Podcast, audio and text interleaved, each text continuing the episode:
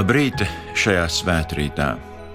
Studijā kopā ar jums Mateja draugs mācītājs Ainars Baštiks.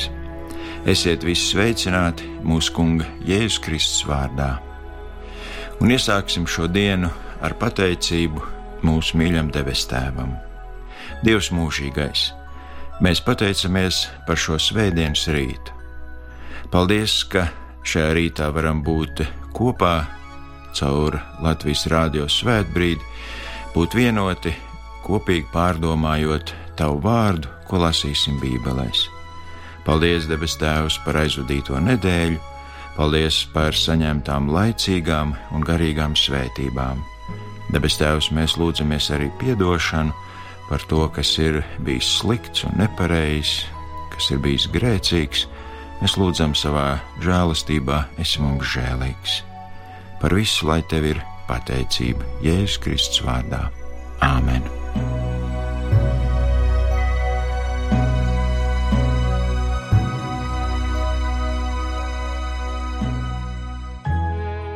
Šajā rītā vēlos kopā ar jums lasīt un pārdomāt notikumu, kas ir uzrakstīts Marka evanģēlijā, 10. nodaļā, no 13. līdz 16. pantam. Un tur lasām šos vārdus un vecāki atnesa bērniņus pie Jēzus, lai viņš tos aizskartu. Bet mācekļi tos norāja. Jēzus to redzēdams, sadusmojās un tiem sacīja: Laidiet bērniņus pie manis, un neliedziet tiem, jo tādiem pieder Dieva valstība.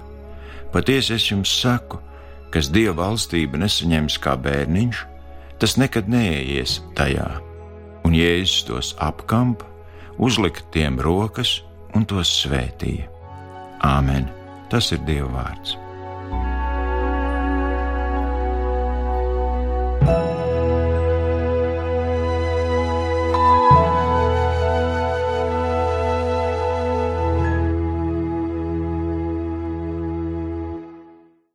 Lasītais stāsts, kas ir minēts visos trijos sinoptiskajos evaņģēlijos, runā par bērnu pienešanu Jēzum. Un parasti šo svēto rakstu vietu lasa, kad bērniņš tiek kristīts vai iesvētīts. Bet šis stāsts parāda to, kas tad drīkst būt kopā ar Jēzu. Šis lasītais stāsts arī mums atklāja to, kas nokļūs debesu valstībā. Taču šis stāsts parāda arī vēl kādas patiesības, kuras ir vērts mums šajā rītā kopīgi pārdomāt. Un kopā ar jums es gribu domāt par trim kvalitātēm, par trim lietām, ko mēs šajā rītā varam šeit kopīgi redzēt. Vispirms, šeit iet runa par iespēju. Neliedz citiem iespēju. Mēs jau cilvēkus dažkārt ļoti šķirojam un sadalām pēc kategorijām, pēc kvalitātēm, kas mums patīk, kas nepatīk, kas ir labi, kas ir slikti. Mēs arī redzam, ka vecākiem jau vienmēr ir atbildība par saviem bērniem. Un vecāki vienmēr saviem bērniem vēlas to vislabāko. Šajā konkrētā gadījumā mēs redzam, ka vecāki vēlas saviem bērniem jēzus svētību, un viņi dzird, ka cauri pilsētai ies Jēzus, un tāpēc viņš steidz ar saviem bērniem, lai Jēzus satiktu un pieskartos Jēzum. Savukārt mācekļi arī vēlas vislabāko. Viņi vēlas atbrīvot Jēzu no bērnu klātbūtnes, jo bērni jau nav svarīgi, bērni nav nozīmīgi, bērni nav ietekmīgi, derīgi, vajadzīgi cilvēki. Vecāki domā, ka viņi dara dievu prātu un grib pienest savus bērniņus Jēzus svētībai. Mācekļi arī domā, ka viņi dara dievu prātu. Taču mēs redzam, ka mācekļi faktiski uzņēmās Jēzus lomu. Mācekļi domāja, ka bērni ir nevērtīgi, taču īstenībā viņiem piederēja debesu valstība. Un mums katram ir zināma atbildība, jeb loma par citiem vecākiem par bērniem, par ģimenes locekļiem, arī profesionālajā sfērā Mēs ar savām zināšanām un prasmēm atbildam par tiem, kuriem tādas nav vai ir mazāk, taču bīstami ir cilvēkam uzņemties dieva lomu un dieva vietā sākt rīkoties pēc savas subjektīvā, bieži vien tik egoistiskā prāta un vēlmēm. Un dažkārt mums jādomā arī par sevi un arī kā kristiešiem, vai mēs dažkārt nesam kā mācekļi šajā situācijā. Tādi patiesības regulētāji, tādi iekšā laidēji vai kontrolētāji, kā policisti, kā kārtībnieki, kuriem liekas, ka mēs zinām, kā kuram jāuzvedas, kā kuram jādara, kas drīkst nākt, kas nedrīkst nākt, kas kuram pienākas. Un dažkārt tas vispārsteidzošākais ka domājam, ka mēs zinām, kas Dievam ir patīkams. Faktiski redzam, ka mācekļi uzņēmās Jēzus lomu, Jēzus gribu, Jēzus prātu, mācekļi uzņēmās Jēzus vietu. Un tā dažkārt ir šodienas tā lielākā problēma, ka cilvēks ir ieņēmis Dieva vietu. Šodien viens no tādiem populāriem autoriem, Juvenāls Nos Harārī, kura grāmata arī ir iztulkota latviešu valodā sapiens, un kas ir izrēliešu vēsturnieks, kurš faktiski nemaz nav tāds kristīgs, bet viņš daudz runā par cilvēces vēsturi un šodien. Un viņš interesanti, ka grāmatas noslēgumā arī citē tādu secinājumu, ka cilvēki iecēluši sevi dievu kārtā, rēķinās tikai ar fizikas likumiem, taču par savu rīcību neviena priekšā neatbild.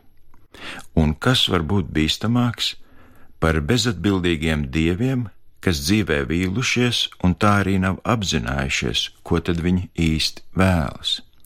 Mēs šajā situācijā redzam, ka katram cilvēkam ir kāda ietekme, kāda atbildība, spējas, vara arī par citu cilvēku dzīvēm. Un tāpēc tas jautājums ir, kāda tad ir mana ietekme uz citiem cilvēkiem, un vai es esmu tāds, kurš dod kādu iespēju otram cilvēkam, vai ar savu dzīvi liedzu cilvēkam kādu iespēju. Un tāpēc, lai mēs izmantojam savu dzīvi, lai tā citiem nāktu par labu, un lai mana dzīve, lai mani vārdi, mans dzīvesveids nevis attālinātu, bet tuvinātu citus cilvēkus Kristumu. Tātad tas pirmais, par ko varējām domāt, ir par kādām iespējām. Tā otra patiesība, ko šis lasītais teksts mums aicina šajā rītā pārdomāt, ir emocijas. Izrādi emocijas. Mēs šeit lasījām, ka vecāki vēlējās, lai Jēzus pieskaras viņu bērniem, bet mācekļi vecākus norāja. Un tad lasām, Jēzus to redzēdams, sadusmojās. Un mēs varam iztēloties, cik daudz emociju bija šajā notikumā. Tur ir priecīgi vecāki, kuriem palaimējies satikt Jēzu, tur ir satrauktie bērni par iespējamību, par uzmanību, ka viņi varēs pieskarties un būt kopā ar šo izcilo sludinātāju. Tur ir mācekļi, kas ir dusmīgi, kas ir nelaipni, kas rājās, kas jūtas svarīgi un atbildīgi, un tad mēs redzam Jēzu tā liekas neparasti Citā tulkojumā ir teikts, ka Jēzus apskaitās, sadusmojās, Jēzus ir sašutis, varētu teikt, bija nikns, un liekas, nu kā tad mierīgais, līdzsvarotais Jēzus ir tik emocionāls? Un tad mēs varam domāt, vai emocijas ir labas vai sliktas, vai tās ir jāizrāda vai jāslēpi. Un mēs jau saprotam, ka emocijas ir reakcija uz notiekošo, un emocijas vienmēr liecina, ka tu esi dzīves. Un arī nevar teikt, ka negatīvas emocijas vienmēr ir sliktas, jo negatīvas emocijas, nu, piemēram, kā bailes, satraukums vai dusmas, liek mums mobilizēties, cīnīties, rīkoties, risināt šo situāciju. Un savukārt pozitīvas emocijas var izraisīt zinām pasivitāti. Nu, ir jau labi, ko man pūlēties. Un tāpēc varam sacīt, ka visas emocijas īstā reizē un vietā ir noderīgas un ļauj cilvēkam adekvāti reaģēt uz apkārtējiem notikumiem. Taču šajā stāstā ir kāda svarīga nianses, ko ir vērts ieraudzīt. Jēzus ir tik dusmīgs ne jau sevis dēļ. Mēs jau visbiežāk kļūstam ļoti emocionāli, kad aizskartas tiek mūsu intereses vai mana dzīve. Mēs esam sevis dēļ emocionāli. Bet Jēzus ir emocionāls nevis sevis dēļ, bet citu dēļ, bērnu dēļ, vismazāko dēļ. Un tāpēc ir jautājums, vai es tikpat asi, stipri, aktīvi reaģēju arī uz citu situācijām. Faktiski, evaņģēlijos mēs lasām, ka Jēzus divas reizes bija ļoti emocionāls un ass un dusmīgs. Viena reize ir šeit, kad viņš asi reaģē, kad mācekļi nelaiž vecākus ar bērniņiem pie viņa, un otrais Jēzus ir dusmīgs un tik emocionāli arī ātrsirdīgs, kad templī viņš izdzina ar pātagu visus naudas mījējus un tirgotājus, un citiem vārdiem sakot, Jēzus sadusmojās par to, ka šie naudas mainītāji bija nosprostojuši ieju templī, ka faktiski šie cilvēki neļāva citiem satikties ar Dievu svētnīcā. Un arī šeit Jēzus ir dusmīgs par mācekļiem, kuri neļauj vecākiem ar bērniem satikties ar viņu. Faktiski Jēzus ir emocionāls, ik reizi, kad citi neļauj piedzīvot dievu klātbūtni.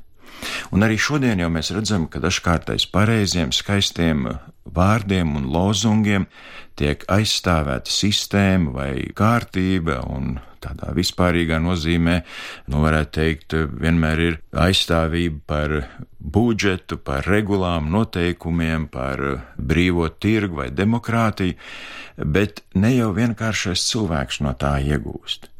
Taču Jēzus vienmēr aizstāvēja nicināto, mazāko, nevērto, atstāto, lai dāvātu viņam jaunu iespēju. Tātad mēs esam aicināti domāt, vai manas emocijas vienmēr iestājas arī par citiem. Un visbeidzot, šeit iet runa par svētību, par svētības došanu. Jēzus bērnus ne tikai pieņēma, bet viņš apkampa, pieglauda, pacēla un svētīja. Jēzus šajā situācijā mums parāda un atklāja kādu ļoti skaistu un iepriecinošu patiesību. Jēzus vienmēr pieņem vismazākos. Mēs savā dzīvē jau ļoti bieži esam ierobežoti no kādiem likumiem un noteikumiem, un nevienmēr tur, kur mēs gribētu nokļūt vai ko saņemt, tas mums izdodas. Šeit redzam, ka Jēzus bija ceļā uz Jeruzālēm, viņš bija ceļā uz Golgātu, uz savu krustu, uz savas dzīves noslēgumu, būtībā uz savu vislielāko mērķi, kur dēļ viņš bija nācis no godības šajā pasaulē. Un te viņa tik svarīgajā un nozīmīgajā ceļā ir kāds pulciņš vecāk ar bērniem uz rokām. Tie ir vienkārši, nabadzīgi, noputējuši vecāki un bērni un mācekļi skaļi sauc: Netraucējiet, nemaisieties, paiet nost, tagad nav laika.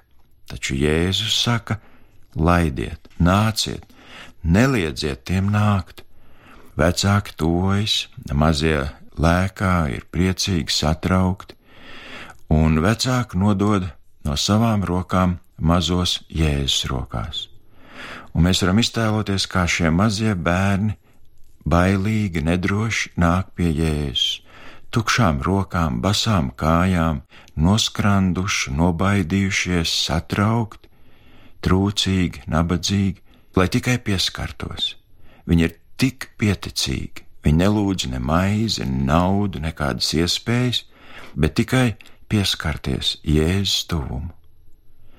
Viņi nāk bez nekā Kristus rokās, nāk ķēniņa klātbūtnē, un Kristus šos vismazākos sagaida, apkampi, pieglauž sev klāt, paceļ un svētī, jo jūs esat tik dārgi, tik vērti, jums pieder debesu valstība, nāciet bez bailēm.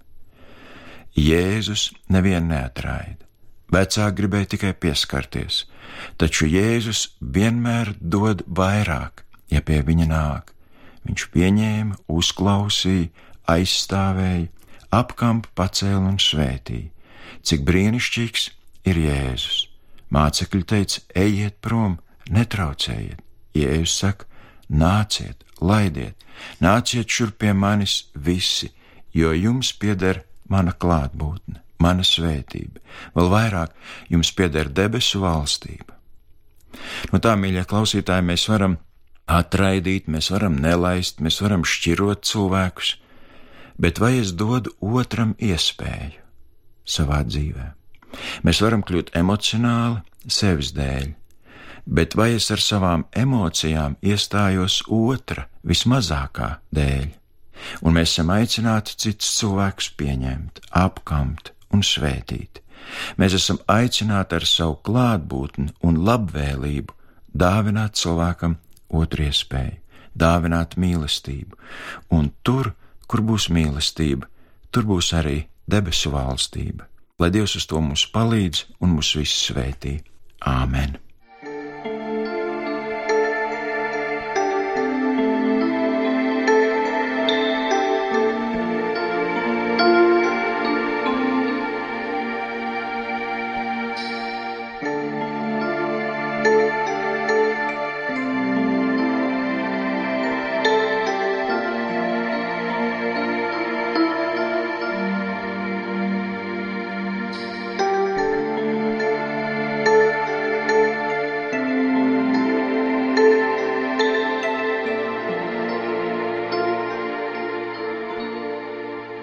Pielūgsim Dievu.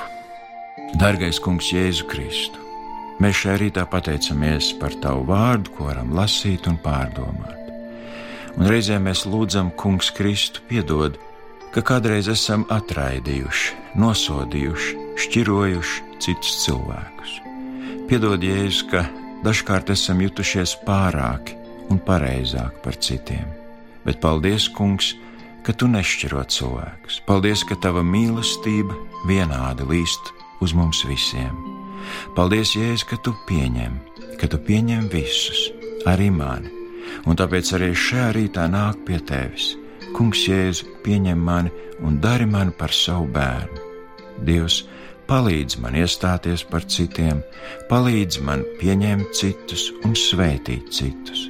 Kungs, Jēzus, palīdz man dāvināt labvēlību un mīlestību, lai nāk tava valstība mūsu vidū. Āmen! Un noslēgsim šo rīta svētbrīdi ar svētības vārdiem. Tas kungs Dievs, lai tevi svētī un pasargā, tas kungs Dievs, lai apgaismo savu vaigu pār tevi un ir tev žēlīgs, tas kungs Dievs, lai paceļ savu vaigu uz tevi un dod tev mieru. Āmen!